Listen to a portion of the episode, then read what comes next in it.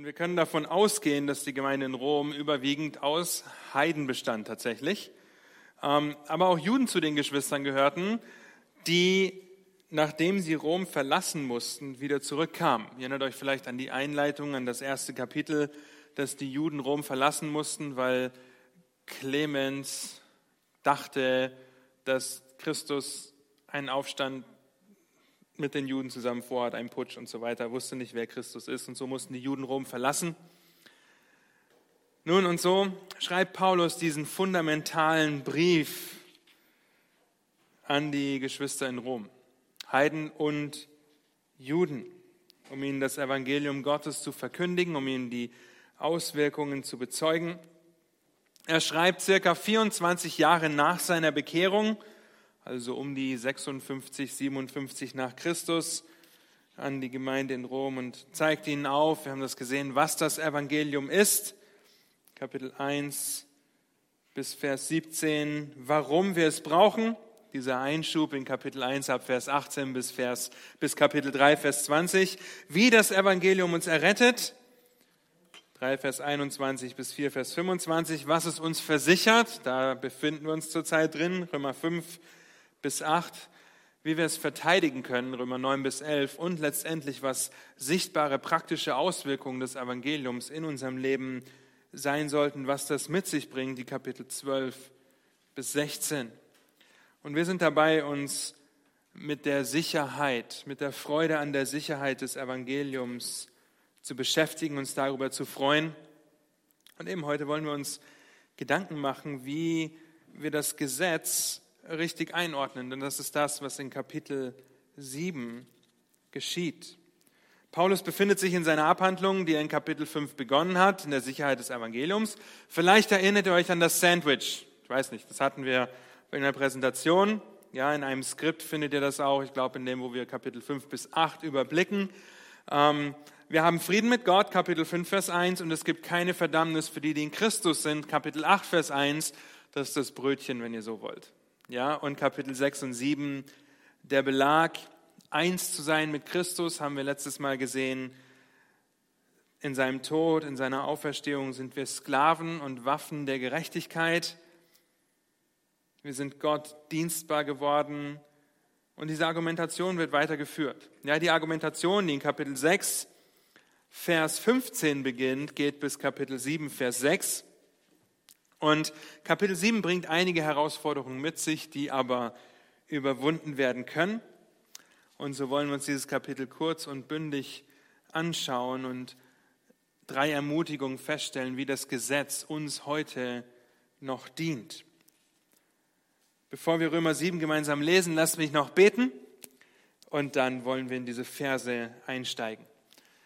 Herr, habt Dank dafür, dass du uns dein Wort gegeben hast dass wir deine Aussprüche darin wiederfinden, dass wir sehen, wie du seit jeher Bestimmungen gegeben hast, ob das an Adam und Eva war, ob das an Mose war oder jetzt an uns, die wir deine Kinder sind durch, das, durch den Tod deines Sohnes am Kreuz. Und so schenk du Gnade für dieses Kapitel, dass wir es im Ansatz begreifen können, verstehen können, sehen können, wie wir das Gesetz richtig einordnen können, Herr. Amen. Lass uns Kapitel 7 lesen. Das gesamte Kapitel 25 Verse, 7 Vers 1. Gottes Wort sagt, oder wisst ihr nicht, Brüder, denn ich rede ja mit Gesetzeskundigen, dass das Gesetz nur so lange über den Menschen herrscht, wie er lebt? Denn die verheiratete Frau ist durchs Gesetz an ihren Mann gebunden, solange er lebt. Wenn aber der Mann stirbt, so ist sie von dem Gesetz des Mannes befreit. So wird sie nun bei Lebzeiten des Mannes eine Ehebrecherin genannt, wenn sie einem anderen Mann zu eigen wird. Stirbt der Mann, so ist sie vom Gesetz frei, sodass sie keine Ehebrecherin ist, wenn sie einem anderen Mann zu eigen wird. Also seid auch ihr, meine Brüder, dem Gesetz getötet worden durch den Leib des Christus, damit ihr einem anderen zu eigen seid, nämlich dem, der aus den Toten auferweckt worden ist, damit wir Gott Frucht bringen. Denn als wir im Fleisch waren, da wirkte in uns in unseren Gliedern die Leidenschaften der Sünden, die durch das Gesetz sind, zum Tod und um dem Tod Frucht zu bringen. Jetzt aber sind wir vom Gesetz frei geworden da wir dem gestorben sind, worin wir festgehalten wurden, sodass wir im neuen Wesen des Geistes dienen und nicht mehr im alten Wesen des Buchstabens. Kurz bis hierher, wir halten kurz inne, denn was Paulus in den folgenden Versen macht, ist eine Ausführung dessen, was er eigentlich gerade beschrieben hat. Aber was Paulus auch so häufig im Römerbrief macht, ist, dass die Verse 7 bis 25 ein Einschub sind. Okay, man könnte jetzt von Kapitel 7, Vers 6 direkt zu Kapitel 8, Vers 1 springen. Einen weiteren Einschub haben wir schon gesehen, der ab Kapitel 1, Vers 18 beginnt, bis Kapitel 3, Vers 20. Okay, Paulus hätte genauso gut davon von dem springen können, dass das Evangelium die Kraft hat zu retten, zu Kapitel 3, Vers 21. Jetzt aber im, ähm, sind wir durch den Glauben gerechtfertigt. Ja, kam die Gerechtigkeit außerhalb des Gesetzes, erklärt das Gesetz. Wir sehen, dass in Kapitel 2 ein Einschub stattfindet. Wir sehen, dass in Kapitel 5 ein Einschub stattfindet. Und so sehen wir, wie Paulus einfach durch den Heiligen Geist getrieben ist, für absolut notwendig hält, die folgenden Verse, die viele Ausleger an ihre Grenzen gebracht haben in der Vergangenheit, mit aufzuschreiben. Aber es ist ein Einschub, und das müssen wir im Hinterkopf behalten, ein Einschub, den ähm, er mit einem persönlichen Zeugnis verknüpft. Okay? Das besonders auf den Juden, aber auch auf jeden Christen zutrifft. Und so lesen wir Römer 7 ab Vers 7. Und ihr könnt aufmerksam mitlesen und könnt vielleicht feststellen, ob der ein oder andere Vers auch euer Leben als Kind Gottes charakterisiert oder euch vom Herzen spricht. Vers 7. Was wollen wir nun sagen? Ist das Gesetz Sünde? Megenoito. Ihr könnt Griechisch mittlerweile. Das sei ferne. Aber ich hätte die Sünde nicht erkannt, außer durch das Gesetz, denn von der Begierde hätte, es nichts, hätte ich nichts gewusst, wenn das Gesetz nicht gesagt hätte, du sollst nicht begehren. Dann nahm aber die Sünde einen Anlass durch das Gebot und bewirkte in mir jede Begierde. Denn ohne das Gesetz ist die Sünde tot. Ich aber lebte, als ich noch ohne Gesetz war. Als aber das Gebot kam, lebte die Sünde auf und ich starb. Und eben dieses Gebot, das zum Leben gegeben war, erwies sich für mich als todbringend. Denn die Sünde nahm einen Anlass durch das Gebot und verführte mich und tötete mich durch dasselbe. Und selbst Verse 8 bis 11 war ein Einschub, denn jetzt kommt er zu der Antwort aus Vers 7. Ja, so ist nun das Gesetz heilig und das Gebot ist heilig, gerecht und gut. Hat nun das Gute mir den Tod gebracht? Megeneuto. Sondern die Sünde hat, damit sie als Sünde offenbar werde, durch das Gute meinen Tod bewirkt, damit die Sünde überaus sündig würde durch das Gebot. Denn wir wissen, dass das Gesetz geistlich ist. Ich aber bin fleischlich unter die Sünde verkauft. Denn was ich vollbringe, billige ich nicht. Denn ich tue nicht, was ich will, sondern ich, was ich hasse, das übe ich aus. Wenn ich aber das tue, was ich nicht will, so stimme ich dem Gesetz zu, dass es gut ist.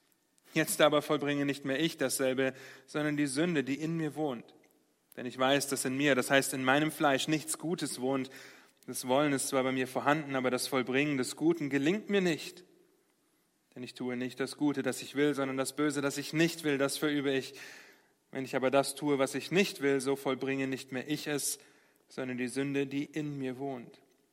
Ich finde also das Gesetz vor, wonach mir, der ich das Gute tun will, das, Böse anhängt. Denn ich habe Lust an dem Gesetz Gottes nach dem inneren Menschen. Ich sehe aber ein anderes Gesetz in meinen Gliedern, das gegen den, das Gesetz meines, meiner Gesinnung streitet und mich gefangen nimmt unter das Gesetz der Sünde, das in meinen Gliedern ist. Ich, elender Mensch, wer wird mich erlösen von diesem Todesleib? Ich danke Gott durch Jesus Christus, unseren Herrn. So diene ich selbst nun mit der Gesinnung dem Gesetz Gottes, mit dem Fleisch aber dem Gesetz der Sünde. Ein spannender Text, ja, der uns vor einige Fragen stellen wird. Aber die erste Ermutigung, die wir in den ersten sechs Versen sehen, ist, dass ich nicht mehr dem Gesetz gehöre, sondern Christus. Zunächst einmal müssen wir kurz zwei Dinge festhalten. Wer sind die Gesetzeskundigen in Vers 1 und welches Gesetz? Nun, die Gesetzeskundigen, denen das mosaische Gesetz gegeben wurde, also das, was wir in 2. Mose 20 zum Beispiel lesen, die zehn Gebote, ja, und das Gesetz auch, was damit noch verbunden ist, was für die Israeliten galt, wurde den Juden anvertraut. Allerdings sehen wir in Vers 1, dass Paulus die Gesetzeskundigen nicht näher definiert. Ja, also können wir jetzt nicht so weit gehen und sagen, er redet jetzt hier an dieser Stelle nur mit den Juden, weil das wäre etwas Besonderes in dem Brief, ja, wenngleich er in Kapitel 2 den Juden angesprochen hat, aber er redet immer wieder, es gilt sowohl für den Juden als auch für den Heiden oder Griechen. Er definiert also nicht genauer, wer diese Gesetzeskundigen sind. Das heißt, es sind definitiv die Juden, weil es sich um das mosaische Gesetz handelt, aber auch die Heidenchristen in Rom kannten das mosaische Gesetz. Okay, sie kannten das, das Alte Testament war schon vorhanden. Ja, sie wussten, was das Alte Testament beinhaltet, was dieses Gesetz beinhaltet. Und sie haben ebenfalls schon festgestellt, dass es nicht die Kraft hat zu erretten, weil keiner dieses Gesetz einhalten kann. Haben wir in Kapitel 3 ausführlich behandelt. So, die Frage, die Paulus in Kapitel 7, Vers 1 stellt, könnten wir eigentlich auch als Aussage schreiben. Okay, das ist eine rhetorische Frage. Oder wisst ihr nicht? Na, ihr wisst doch, dass das Gesetz nur so lange herrscht, wie einer lebt. Und hier sehen wir den Kontext der Stelle.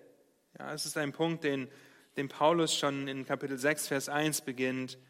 Wir sind der Sünde gestorben und das führt er jetzt weiter aus. Ja, wir sind Sklaven der Gerechtigkeit und das führt er jetzt noch weiter aus. Das Gesetz bewirkt Sündenerkenntnis, das Gesetz verurteilt uns im ungläubigen Zustand zum Tod. Anhand eines Beispiels in Versen 2 und 3 macht Paulus deutlich, was er meint. Und worauf wir achten müssen, wenn wir diese zwei Verse lesen, wo es um die Ehe geht und, und das Verwitwetsein, ist, dass wir das als ein Beispiel sehen. Okay, und nicht versuchen, jetzt irgendwie zuzuordnen, wer jetzt hier was ist. Ja, ist, die, ist der Mann das Gesetz? Nun, das Gesetz ist nicht gestorben. Ja, das Alte Testament hat sich nicht in Luft aufgelöst mit unserer Rettung. Ja, wenn, wenn wir aber diejenigen sind, die, man, man würde sich in ein zu verrücktes Fahrwasser begeben, wenn man sagen würde und hier versuchen würde, dem Ganzen eine geistliche Bedeutung zu geben. Es ist einfach nur ein Beispiel. Okay? Einfach nur ein Beispiel, wenngleich wir an anderer Stelle in Offenbarung 21 zum Beispiel lesen, dass wir die Braut Christi sind. Okay, aber das ist an dieser Stelle nicht gemeint. Und beispielsweise die Ehe sehr wohl ein geistliches Bild für Christus und die Gemeinde ist in Epheser 5. Ja, ihr kennt diese Stellen. Aber hier handelt es sich um ein Beispiel, um einen Punkt zu verdeutlichen. Zu jeder Hochzeit gehören die Eheversprechen. Ja, wir haben eine Hochzeit hinter uns, wir haben eine Hochzeit vor uns. Da heißt es in guten wie in schlechten Zeiten, in Höhen und in Tiefen, bis dass der Tod uns scheidet. Okay, das ist Vers 2 und 3. Die Ehe, wie sie von Gott erdacht ist, ist ein lebenslanger Bund und dieser lebenslange Bund wird mit dem Tod aufgelöst. Die Absicht Gottes ist, dass ein Mann und eine Frau diesen offiziellen Bund einmal eingehen, der bis ans Lebensende anhält. Wer sich nicht an diesen Bund hält und eine Affäre eingeht oder sich sonst sexuell unrein verhält, der wäre ein Ehebrecher. Paulus sagt einfach an dieser Stelle, solange der Mann lebt, ist die Frau nicht frei, einen anderen zu heiraten. Ja, erst wenn er stirbt, ist sie frei, einem anderen Mann zu eigen zu werden. Das ist das Beispiel, das uns dabei hilft, zu veranschaulichen, was denn in unserem geistlichen Leben mit unserer Errettung, mit unserer Bekehrung, mit dem, dass Gott Gnade hat walten lassen, geschehen ist. Verse 4 bis 6 geben dann die Antwort auf die Frage aus Vers 1. Wir sehen die Auswirkung dieser Wahrheit, dass wir dem Gesetz getötet, ja, und spätestens hier wäre es schwierig, ja, weil wir sind die Braut Christi, aber der Mann stirbt in Vers 2 und 3. Ähm, wir können das also nicht vergeistlichen, okay? Ja, ähm, wir sind im Gesetz getötet worden durch den Leib des Christus. Nun, was ist das Ziel des Ganzen? Zum einen sind wir ihm getötet worden, das seht ihr in Vers 4, damit wir einem anderen zu eigen sind, nämlich den, der aus den Toten auferweckt worden ist. Aber das ist immer noch nicht das Endziel. Okay? Das Endziel des Ganzen, dass wir jetzt einem anderen angehören, ist, dass wir Gott Frucht bringen. Vers 4 ganz am Schluss. Ja, der Friede mit Gott, Römer 5, die Einheit mit Christus, Römer 6, hat Fruchtbarkeit zur Folge. In Vers 5 sehen wir, dass wir, als wir im Fleisch waren, unter den Auswirkungen des Gesetzes standen, damit wir dem Tod fruchtbar brachen. Okay, dem Tod Frucht brachten. Warum? Weil das Gesetz einfach nicht die Kraft hat zu erretten, sondern nur dazu beiträgt, dass wir den Leidenschaften der Sünde gehorchen. Okay, was wiederum dazu beiträgt, dass wir dem Tod Frucht bringen, weil wir das Gesetz bestätigen, wie wir auch gleich noch sehen. Aber als Kinder Gottes sollen wir und können wir jetzt nicht einfach tun und lassen, was wir wollen. Okay, wir können jetzt nicht diesen Text nehmen und sagen, okay, jetzt sind wir frei vom Gesetz, ich kann machen, was ich will. Nein, wir sollen Gott Frucht bringen, eindeutig. Denn wenn wir vom Gesetz, von dem mosaischen Gesetz des alten Bundes frei sind, das wir einhalten müssten, um gerecht zu sein, um perfekt zu sein und jetzt einfach nur frei wären, ohne irgendetwas anderes, dann könnten wir tun und lassen, was wir wollen. Ja, aber wir sind einem anderen zu eigen geworden. Und hier würde das Beispiel der Ehe wieder greifen. Ja, wir sind dem Gesetz gestorben. Ja, oder die Auswirkungen, die Konsequenzen des Gesetzes. Wir stehen nicht mehr unter dem Gesetz, wir sind nicht mehr mit dem Gesetz verheiratet, sondern wir sind mit Christus verheiratet. Das bedeutet aber auch, dass wir jetzt dem Gesetz des Christus dienen. Okay, dass wir dem jetzt zu eigen sind. Wir haben das in Kapitel 5 auch schon gesehen. Das geht los in Kapitel 5. Wir sind nicht mehr in Adam, sondern in Christus. In Kapitel 6, wir sind nicht mehr mit der Sünde vereint, sondern mit Christus. Nicht mehr Waffen der Ungerechtigkeit, sondern Waffen der Gerechtigkeit. Nicht mehr Sklaven der Sünde, sondern Sklaven Gottes. Ja, die Auswirkungen und Folgen dessen, was das alte Gesetz, der alte Bund mit sich bringt, Verurteilung und Tod und Trennung, das ist ans Kreuz geheftet. Ja, und in Christus getötet worden. Aber die ewigen Auswirkungen, wir sterben nach wie vor. Ja, wir sind, wir, davon sind wir frei. Das macht Vers 6 deutlich. Wir sind frei von dem Gesetz. Ja, weil wir dem gestorben sind, worum wir festgehalten wurden, sodass wir im neuen Wesen des Geistes dienen. Wir sind ein neues Wesen. 2. Korinther 5, Vers 17. Ja, wir sind eine neue Schöpfung, was wiederum bedeutet, dass wir einen neuen Herrn haben, dem wir jetzt dienen. Aber wir können nicht einfach tun und lassen, was wir wollen. Was sind die Implikationen? Nun, ein Ausleger zum Beispiel sagt, und er erkennt vorher an, dass das nur ein Beispiel ist in Vers 2 und 3, aber er sagt, wir sind jetzt nicht mehr Frau Sünder, sondern Frau Christ. Okay? Mit dem, dass wir dem Gesetz getötet wurden, durch den Leib des Christus, haben wir eine neue Identität, einen neuen Nachnamen, wenn ihr so wollt, ein neues Wesen, das nicht mehr dem Gesetz dienen muss, um errettet zu werden oder errettet zu bleiben. Ja, und das Eheversprechen, wenn, wenn ihr so wollt, das Eheversprechen Christi lautet in guten wie in schlechten Zeiten, in Höhen und in Tiefen, ohne dass uns jemals etwas scheidet. Okay? Weil der Tod scheidet uns nicht mehr von Christus. Das sehen wir dann in Kapitel 8. Das heißt, wenn wir mit Christus vereint sind, um Gott Frucht zu bringen, dann können wir auch verstehen, dass das Gesetz nicht mehr dazu dient, uns zu zeigen, wie wir es irgendwie schaffen könnten. Ja, das Gesetz quasi immer nur auf Armlänge zu halten, dass wir es irgendwie einhalten können, so wie die Pharisäer das gemacht haben, die das oberflächlich eingehalten haben, ohne wirklich in die Tiefe zu gehen. Wenn wir die Braut Christi sind, ja, wie es in Offenbarung 21 heißt, dann müssen wir das Gesetz nicht mehr einhalten, um gerettet zu werden oder gerettet zu bleiben. Nein, wir wollen uns an das Gesetz halten und durch den Heiligen Geist sind wir in der Lage dazu, weil wir Christus gehören. Okay? Ein Beispiel. Meine Ehe mit meiner Frau ist bestimmt nicht perfekt. Ja, was zum Großteil an mir liegt, natürlich. Ja, ist nicht perfekt. Aber es gibt tatsächlich Momente, in denen ich richtig denke. Okay, in denen ich die richtige Motivation habe, dann habe ich einen Blick dafür, wie ich meine Frau lieben kann. Ja, wie ich ihr dienen kann, wie ich ihr etwas Gutes tun kann, weil ich das Vorrecht habe, Ehemann zu sein und weil ich dadurch weiß, was ihr gefällt und wie ich sie unterstützen kann. Okay? Es gibt auch Tage, in denen ich nicht richtig denke, also falsch denke, und nur daran denke, was ich will und wie ich es will. Okay? Aber der Punkt ist, ich muss meiner Frau nicht dienen, damit sie meine Frau wird. ja? Ich muss ihr nicht dienen, damit sie meine Frau bleibt. Ich möchte ihr dienen, weil ich sie liebe. Okay? Und ich weiß, dass sie mir dient, weil sie mich liebt. Mit Christus vereint, ja, wollen wir die Imperative des Neuen Testaments umsetzen, weil wir in Christus sind. Okay? Weil wir jetzt Frau Christ sind, wenn ihr so wollt. Weder um in Christus zu bleiben, noch um gerettet zu werden. Ja, und die Frage ist, wenn wir dieses Beispiel benutzen, was Paulus hier benutzt, um einfach deutlich zu machen, dass wir nicht mehr Christus, dass wir nicht mehr dem Gesetz angehören, wie steht es um deine Ehe?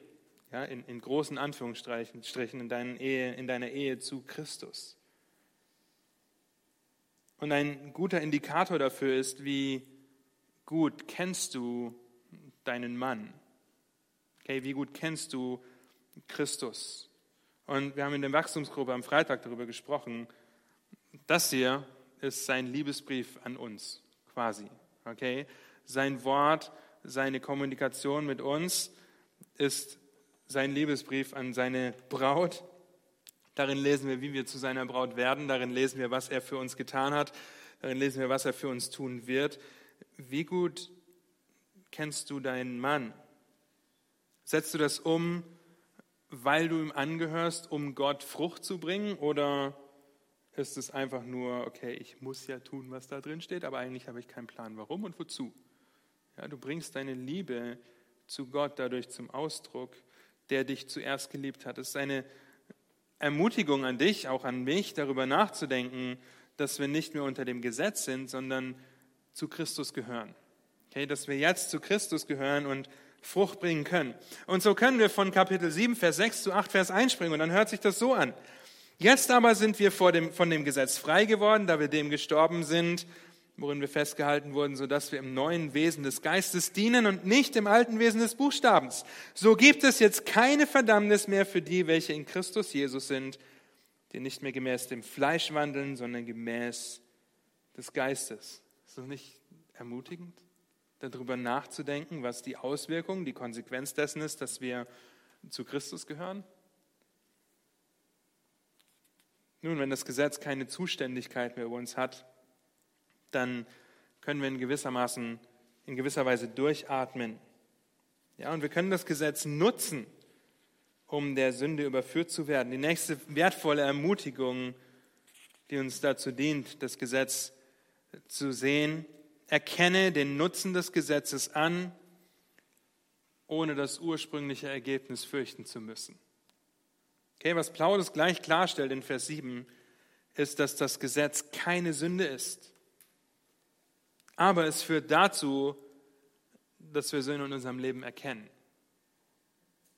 Diese Verse zeigen den unerretteten Zustand auf, Verse 7 bis 13. Denn ohne das gute, heilige und gerechte Gesetz wüssten wir nicht, dass wir Gottes Maßstab nicht erreichen und das Ziel verfehlen. Okay, wir könnten das einfach nicht wissen.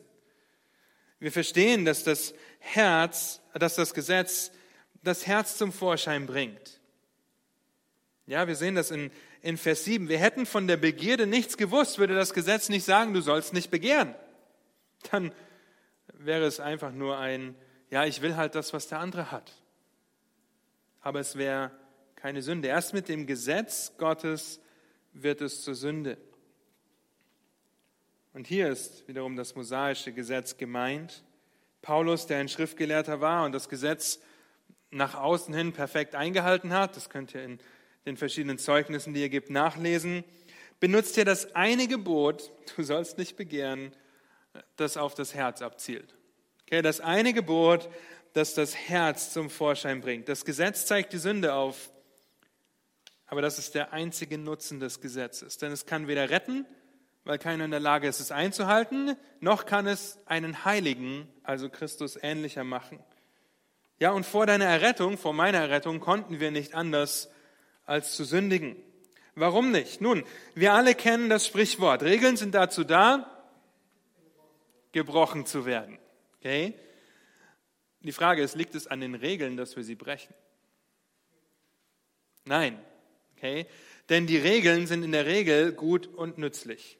Ja, bei dem Gesetz Gottes ist es nicht anders und das sagt Paulus, es ist gut und heilig und gerecht. Laut Vers 12 äh, seht ihr das. Es offenbart unser Herz, das die Neigung hat, diese Regeln zu brechen. Erinnert euch an den Sündenfall. Was sah Eva, dass vom Baum gut zu essen sei? Er war eine Lust für die Augen und sie aß. Das Gesetz bewirkt, dass wir der Sünde nachgeben, weil wir einen Reiz darin verspüren, Gottes Geboten zu widerstehen. Okay? Wenn ihr Kinder habt, die noch klein sind oder Kinder hattet, die mal klein sind und ihr habt ein, eine Schüssel mit Süßigkeiten auf den Tisch gestellt und habt gesagt, ihr dürft euch keine Süßigkeiten nehmen. Nun, das ist eine große Herausforderung für die Kinder, sich keine Süßigkeiten zu nehmen, weil es etwas Verbotenes ist, ist der Reiz umso größer. Ja, das Gesetz bewirkt, dass wir der Sünde nachgeben, weil wir Gottes Geboten widerstreben, uns ihm zu widersetzen, weil wir unabhängig wie Gott sein wollen. Erinnert euch an den Sündenfall. Der Nutzen ist auch noch für uns gegeben. Okay, als Kinder Gottes, die wir das alles erkannt haben, das Gesetz hat einen Nutzen. Denn ohne Gottes Wort, ohne seine Imperative, seine Befehle würden wir nicht erkennen, wo uns die Sünde nach wie vor lockt und reizt. Okay, ohne die Gebote auch des Neuen Testaments würden wir nicht erkennen, wie wir unsere Liebe unserem Christus gegenüber zum Ausdruck bringen können. In den nächsten Versen macht Paulus deutlich, dass das Gesetz im unerlösten Zustand den Tod mit sich bringt. Ja, das Gebot in mir bewirkte jede Begierde, Vers 8, denn ohne das Gesetz ist die Sünde tot. Und wir sehen, wie in Vers 9 dann das Gesetz dazukommt, hineinbringt und es todbringend ist. Nicht aufgrund des Gesetzes, sondern aufgrund der Sünde. Und das ist absolut verdreht, was in diesen vier Versen steht, Vers 8 bis 11. Denn was Paulus sagt, ist, dass, es, dass die Sünde auflebte. Das heißt, es ist einfach nur Spaß an der Freude zu sündigen.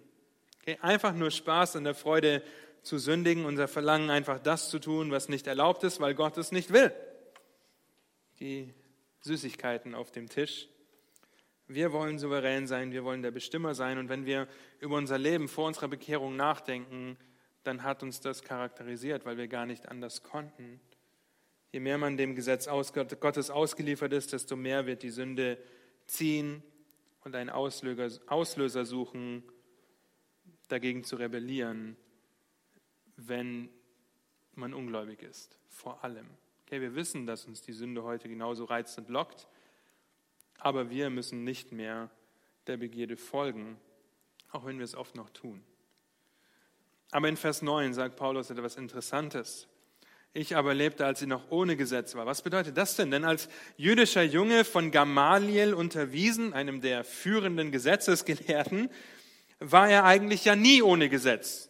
Ja, er hat das ja von Kindheit an gehört. Nun, die meisten Ausleger sind sich einig, dass Paulus kein Bewusstsein dafür hatte, was das Gesetz bewirkt und was die Auswirkungen dessen sind, wenn man es bricht. Denn die Schriftgelehrten haben gelehrt, du kannst das Gesetz völlig einhalten. Okay, du kannst es einhalten. Deswegen der Pharisäer im Tempel, der sagt, ha, ich danke dir, dass ich nicht bin wie der Zöllner da hinten. Aber jetzt erkennt Paulus die Frucht die er damals hatte, derer er sich jetzt schämt, wie es in Kapitel 6, Vers 21 heißt.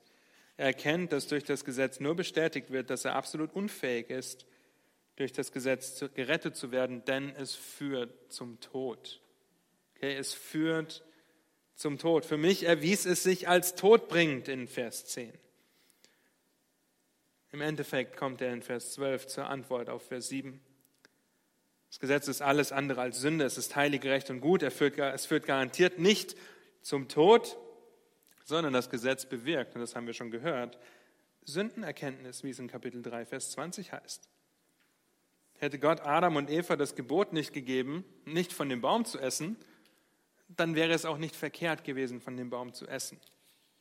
Okay, hätte Gott seinem Volk nicht gesagt, du sollst nicht begehren, wäre das Begehren kein Verstoß gegen Gott. Das Gesetz bewirkt Sündenerkenntnis und führt dazu, dass die Sünde überaus sündig wird. Die Auswirkungen auch für uns heute sind enorm. Ja, keiner von uns wird durch das Gesetz gerettet. Rückblickend würden wir das alle auch so sagen. Es hat nicht die Kraft dazu. Wir sind in Christus, damit in einem neuen Bund unter seinem Gesetz. Wir finden die Aufforderung überall im Neuen Testament würdig zu wandeln. Okay? Den neuen Bund, das Gesetz des Herrn einzuhalten. Was ist das? Liebe Gott und liebe deinen Nächsten. Das sind die zwei größten Gebote, die der Herr uns gegeben hat in Matthäus 22. In diesen beiden Kategorien lassen sich alle Imperative, alle, wo Paulus oder Petrus oder Jakobus oder wer auch immer schreibt, wandelt würdig, so tut nun das. Das lässt sich alles in diese beiden Kategorien einsortieren. Wir nehmen Gottes Wort als Spiegel und stellen fest, dass es nicht darum geht, es einhalten zu müssen, um gerecht zu sein. Okay, das ist unmöglich und es wäre ein Problem, wenn das so wäre. Wenn du denkst, du musst jetzt Gottes Wort voll einhalten, damit du besser vor Gott dastehst, dann denkst du falsch. Ja, der, der Nutzen des Gesetzes ist die Tatsache, dass unser Herz offenbart. Auch als Kinder Gottes sehen wir, wo wir noch gegen unseren Herrn sündigen. Aber die Sünde trennt uns nicht mehr von Gott, deswegen können wir gegen die Sünde angehen. Offenbart das Herz und das führt dazu, dass wir Sünde erkennen, durch den Geist unsere Gesinnung erneuern, um einen Lebenswandel anzulegen, der die bereits angerechnete Gerechtigkeit, und das ist das Wichtige, okay, die Gerechtigkeit ist angerechnet ein für alle Mal, die kann dir nicht genommen werden, aber wir möchten einen neuen Lebenswandel anlegen, der die bereits angerechnete Gerechtigkeit zum Ausdruck bringt. Okay, wir wollen das zum Ausdruck bringen. Als Kind Gottes wird das dazu führen, dass du Buße tust, aber auch die Gewissheit und Sicherheit hast, dass der alte Bund, die Trennung von Gott, weil das Gesetz die Sünde bestätigt, nicht mehr auf uns zutrifft. Römer 8, Vers 1. Ja, das gibt uns die Möglichkeit, authentisch zu leben. Ja, einfach echt zu sein, denn jeder von uns sündigt noch. Ich sündige noch, ja. Und das wird durch Gottes Wort offenbar. Oder nicht? Das überführt uns. In Gottes Gnade stellt er uns in Situationen, in denen wir unter Druck stehen. Wir erinnern uns an Kapitel 5, in Bedrängnis sind, aber eine Hoffnung haben. In seiner Gnade kommt in diesen Situationen zum Vorschein, was in unserem Herzen ist. Okay? Wo wir Buße tun müssen, weil wir durch das Gesetz des Christi erkennen, dass wir da sündigen. Aber wozu dient das Gesetz? Galater 3, Vers 24 bis 26, da heißt es, so ist also das Gesetz unser Lehrmeister geworden. Okay. Auf wen hin? Auf Christus hin, damit wir aus Glauben gerechtfertigt würden. Okay, nicht durch das Gesetz. Nachdem aber der Glauben gekommen ist, sind wir nicht mehr unter dem Lehrmeister. Eigentlich das gleiche Konzept wie in Kapitel 7, Vers 1 bis 6. Denn alle, denn ihr alle seid durch den Glauben Söhne Gottes in Christus Jesus. Das heißt, das Gesetz dient dazu und hat immer dazu gedient, uns auf Christus hinzuweisen. Ja, unser Leben besteht nicht aus einer Zehn-Punkte-Liste, sondern aus einer Beziehung zu Jesus Christus. Und einige Seiten weiter, in Hebräer 12, Vers 1 bis 3, heißt es, nach, dem, nach der Glaubens, nach den Glaubenshelden, da wir nun eine solche Wolke von Zeugen um uns haben, lasst uns jede Last ablegen und die Sünde, die uns so leicht umstrickt, und lasst uns mit Ausdauer laufen in dem Kampf, der vor uns liegt, indem wir was tun. Indem wir versuchen, das Gesetz einzuhalten. Richtig? Nein. Indem wir hinschauen auf Jesus, der Anfänger und Vollender des Glaubens, der um der um ihm vor, ihn, vor ihm liegenden Freude willen das Kreuz erduldete und dabei die Schande für nichts achtete, und der sich zu Rechten des Thrones Gottes gesetzt hat. Achtet doch auf ihn, der solchen Widerspruch von den Sündern gegen sich erduldet hat, damit ihr nicht müde werdet und den Mut verliert. Wenn wir uns darum drehen, das Gesetz einhalten zu müssen, werden wir müde werden und den Mut verlieren. Okay? Das Gesetz hat den Nutzen, uns Sünde aufzuzeigen und auf Christus hinzuweisen. auf Jesus Christus. Benutze das Gesetz also dafür, wofür es gedacht ist. Und drittens, erkenne die Nutzlosigkeit des Gesetzes und fliehe zum Herrn. Das Gesetz hat einen Nutzen und ist nutzlos zugleich. Okay? Die verbleibenden Verse zeigen das. Wir haben nicht die Zeit, jetzt im Detail hier durchzugehen, wie ihr sicherlich versteht, wenn ihr auf die Uhr schaut. Ja? Die verbleibenden Verse zeigen, dass das Gesetz nicht heiligen kann. Okay, wenn die Verse 7 bis 13 gezeigt haben, dass das Gesetz nicht retten kann, zeigen die Verse 14 bis 25, dass es nicht heiligen kann.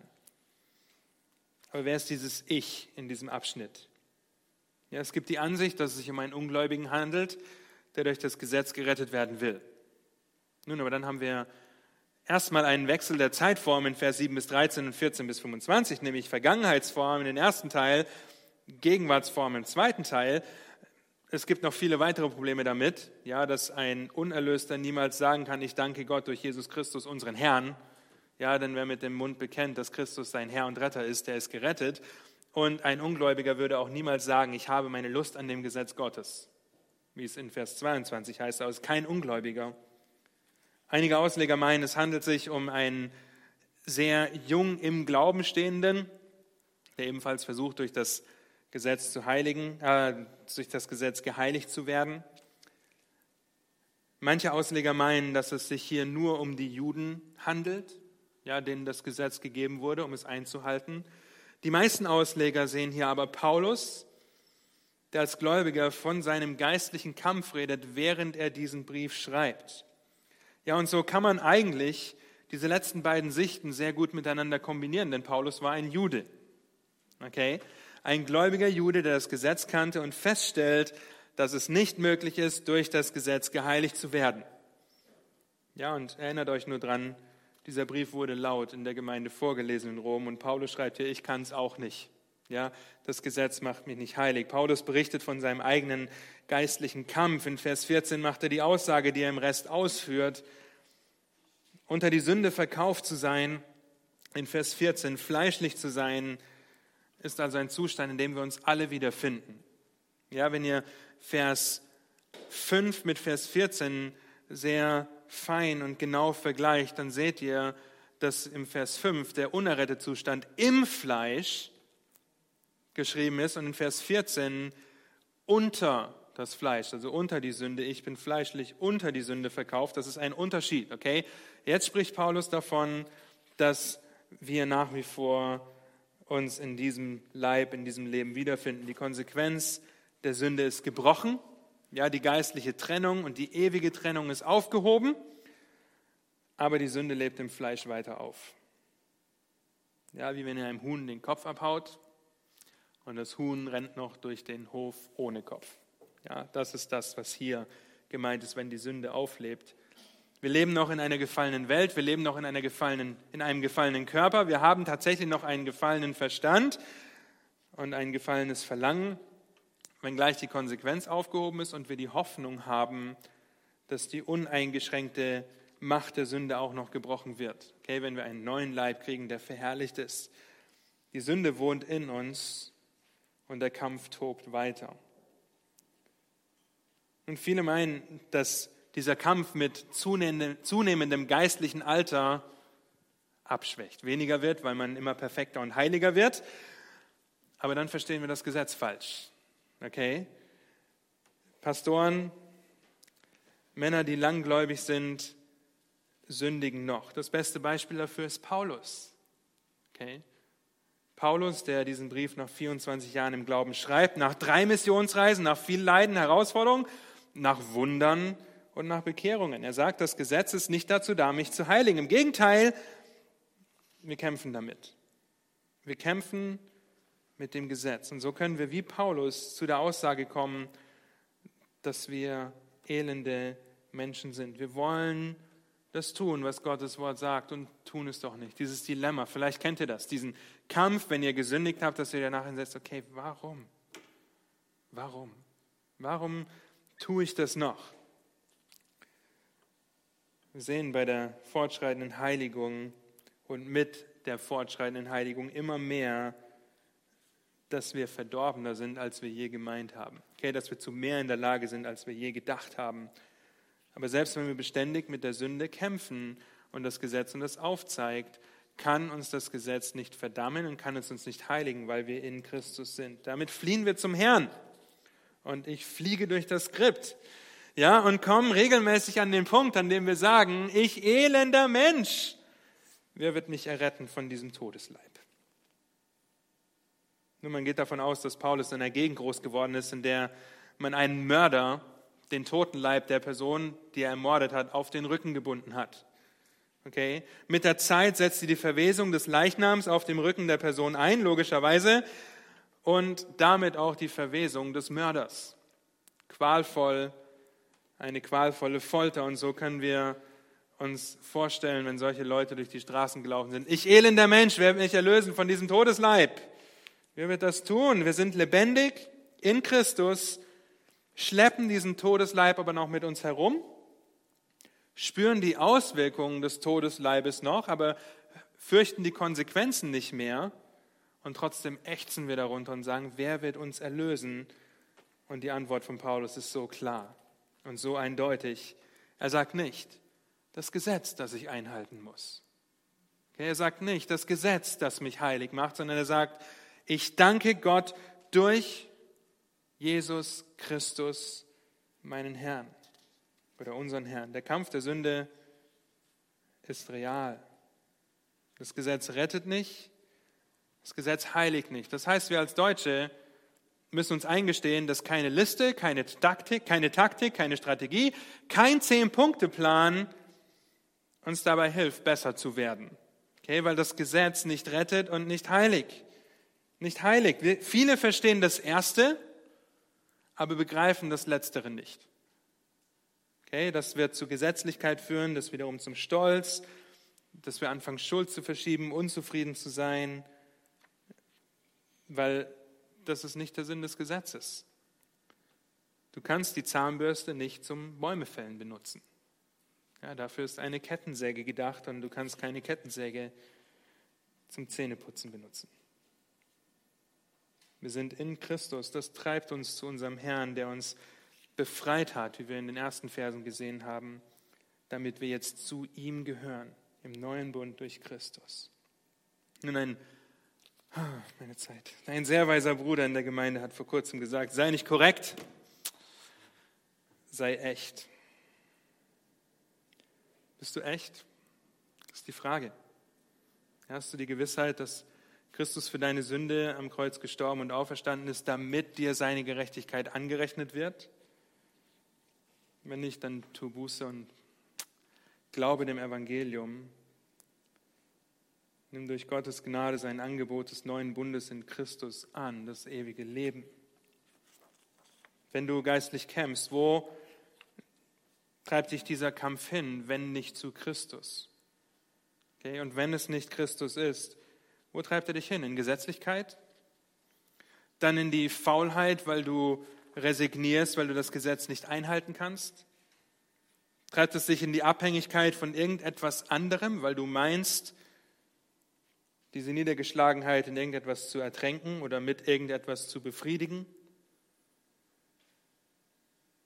Wisst ihr, zu was das führt? Das führt zu Niedergeschlagenheit oder wie die Welt heute das nennt, Depression. Das führt zu dem Gefühl von Wertlosigkeit oder dass du eine Enttäuschung bist für alle um dich herum weil wir nur darüber nachdenken, dass wir durch das Gesetz geheiligt werden. Früher oder später wird dich das unzufrieden, wütend und bitter machen. Aber wie komme ich da raus? Und der erste Schritt ist, das anzuerkennen, dass das Gesetz nutzlos ist und einen Nutzen zugleich hat und Buße zu tun. Und weitere Schritte, ja, die nicht einem Zehn-Punkte-Plan gleichkommen werden, werden wir uns nächste Woche anschauen, wenn wir uns Römer 6 und 7 im Zusammenspiel unsere Heiligungen anschauen, die uns auf Römer 8 einstimmen. Er versteht, dass es in diesem Abschnitt darum geht, dass wir Sicherheit im Evangelium haben. Und Römer 7 kann uns dabei helfen, den geistlichen Kampf zu verstehen, weil wir darüber nachdenken können, wozu uns das Gesetz auch heute noch dient. Lass mich noch beten. Herr, habt du Dank für dein Wort, habt du Dank für dein Gesetz, das du uns gegeben hast, das immer noch von großem Nutzen ist, wenngleich es auch nutzlos ist, uns in irgendeiner Art und Weise dir ähnlicher oder dir ähm, wohlgefälliger zu machen. Ich bete, dass wir es dafür benutzen, wofür du es gedacht hast und dass wir darüber nachdenken, welche Auswirkungen das auch auf unser Leben hat, dass wir in dir sind, dass wir zu dir kommen können und dir danken können, weil du derjenige bist, der uns elende Menschen erlöst hat und eines Tages auch noch von diesem Todesleib erlösen wirst, Herr. Amen.